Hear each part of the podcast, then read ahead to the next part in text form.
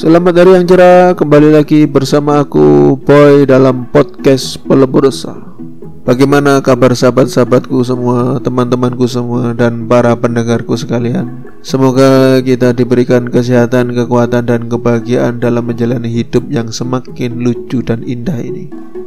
Pada kesempatan kali ini, izinkan aku untuk membahas isu yang terbaru yang lagi hangat. Ya memang mungkin isu yang aku bahas ini tidak sepopuler, tidak semegah isu yang sebelumnya.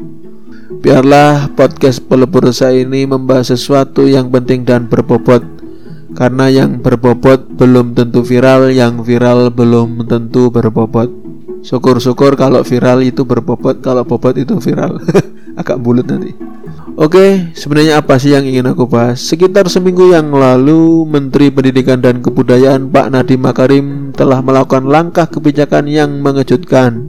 Apa itu? Yaitu menjalin kerjasama dengan Netflix.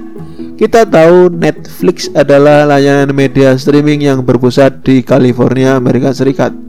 Cukup oke okay kok sebenarnya niatan Pak Nadiem ini Mengingat dia bukan hanya menteri yang ngurusi pendidikan Namun juga ngurusi kebudayaan Ya namanya juga Mendikbud Menteri Pendidikan dan Kebudayaan Ya benar cukup oke okay, Namun hanya cukup oke okay.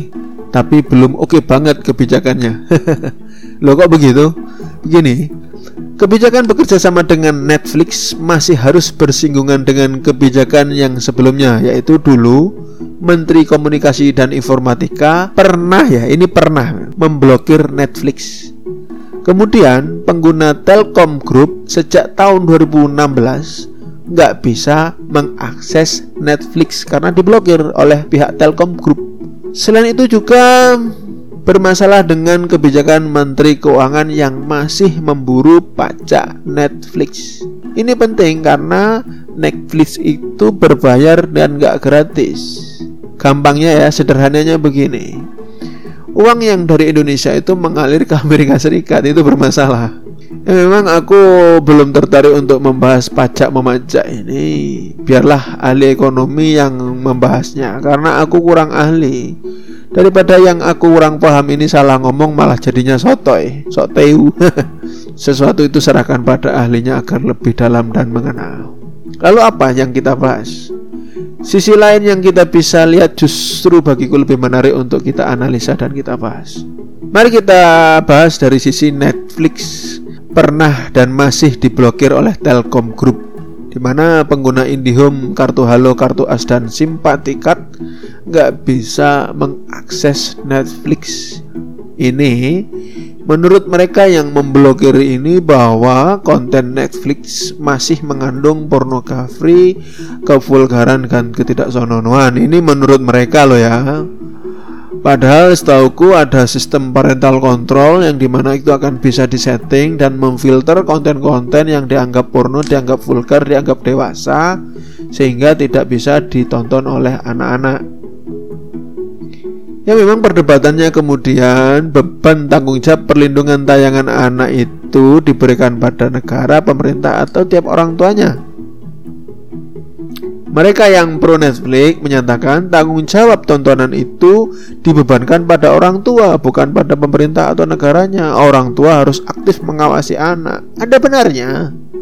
Tapi tapi tapi di negeri ini masih banyak orang tua yang gaptek, gak melek teknologi, gak paham internet dan banyak anak kecil yang sudah jago main internet dibanding ayah ibunya sendiri.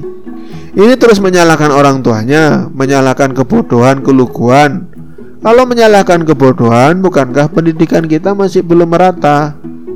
Bukankah tiap bayi yang lahir di negeri ini di bangsa ini adalah putra-putri penerus bangsa yang kelak akan memimpin negeri ini? Jika demikian, bukankah ini tanggung jawab kita bersama? Ya silahkan memperdebatkannya lebih panjang Asal dengan cara yang baik dan bermartabat Bermusyawarah Tidak berdebat yang gak ada ujungnya Kemudian sumber dari berbagai media yang aku dapat, Pak Nadim ini menyatakan bahwa nantinya Netflix akan memberikan dana bantuan sekitar 1 juta dolar atau jika dirupiahkan sebesar 14 miliar rupiah. Wah, banyak sekali. Ini kalau diberikan sup konro atau bakso dapat berapa liter ya? Mungkin kita bisa berenang di dalamnya. Nadiem mulai berpikir bagaimana agar bisa mengenalkan budaya dan film ke kancah dunia internasional agar kreator film kita juga bisa memiliki penghasilan yang lebih baik dari sebelumnya. Ada benarnya karena biskup di Indonesia ini gak banyak. Kalaupun ada banyak itu pun masih berpusat di Pulau Jawa. Nah, konon juga rencananya Pak Nadiem ini akan memilih 100 penulis naskah untuk mengikuti kelas dan pelatihan khusus lebih lanjut. Nantinya juga akan ada kompetisi film yang dinaungi Netflix di mana tema filmnya berasaskan Pancasila. Sangat wadaw sekali. Oke juga nih ambisinya Pak Nadim. Hmm. Jadi aku ingin bertanya pada seluruh rakyat Indonesia, berapa banyak dari kita yang sudah jadi pencinta K-pop atau jadi hamba Bollywood, jadi hamba Hollywood? Nah, utamanya yang Bollywood ya, Bollywood bukan Hollywood itu yang film India. Kenapa sih film-film India itu bertahan dengan ciri khasnya yang unik yaitu penuh nyanyian dan tarian serta protagonisnya itu yang overpower gak pernah kalah tahan banting tahan sakit di mana yang bisa menyakiti adalah cubitan kecil dari gadisnya. Selalu saja film-film India berkarakter seperti itu. Namun hebatnya mereka sanggup jadi besar. Nah, apalagi K-pop ini. Kenapa ya artis Korea itu banyak yang nggak bisa bahasa Inggris? Sampai-sampai pencinta K-pop, K-popers dengan rela bangga belajar bahasa Korea.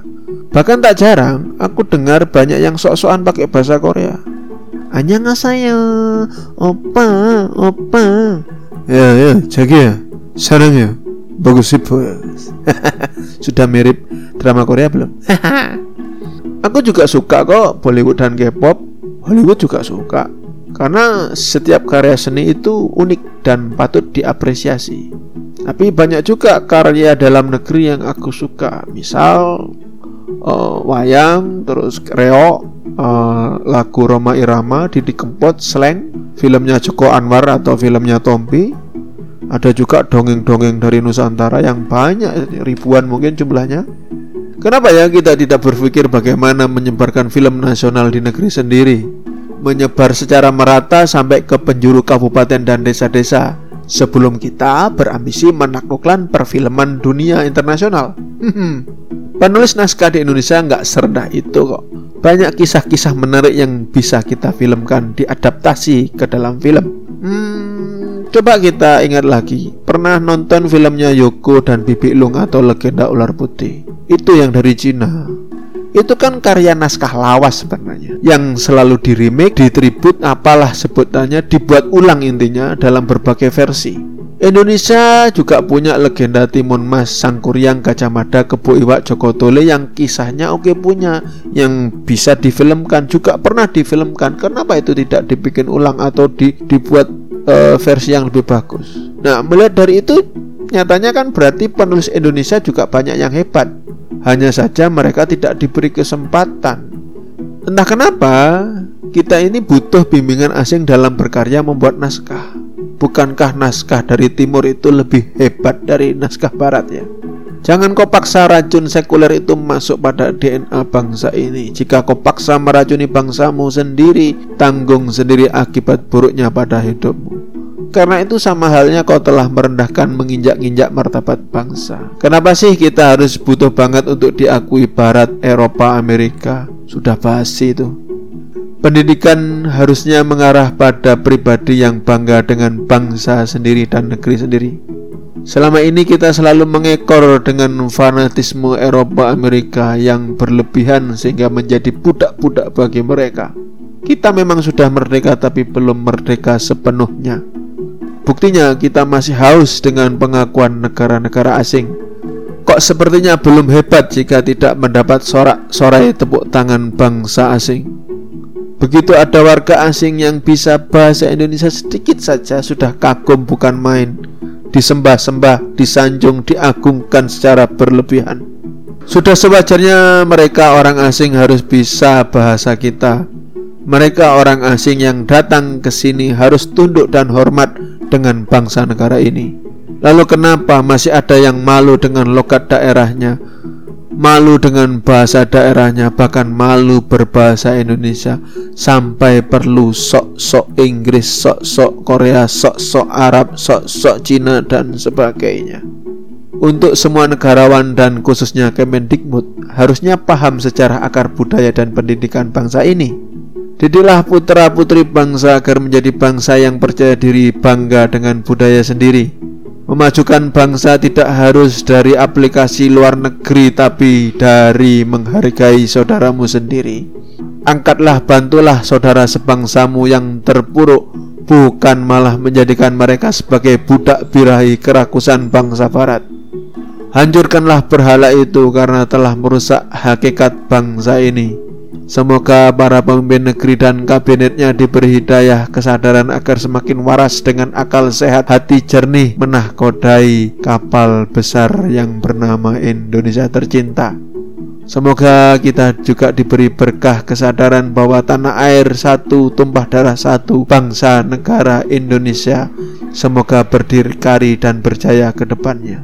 Dan bagi yang masih waras silahkan like, komen, bagikan share, subscribe untuk berlangganan dan bunyikan notifikasi. Follow juga agar setiap Rabu Sabtu aku menemani hari-harimu. Sampai jumpa lagi, bye-bye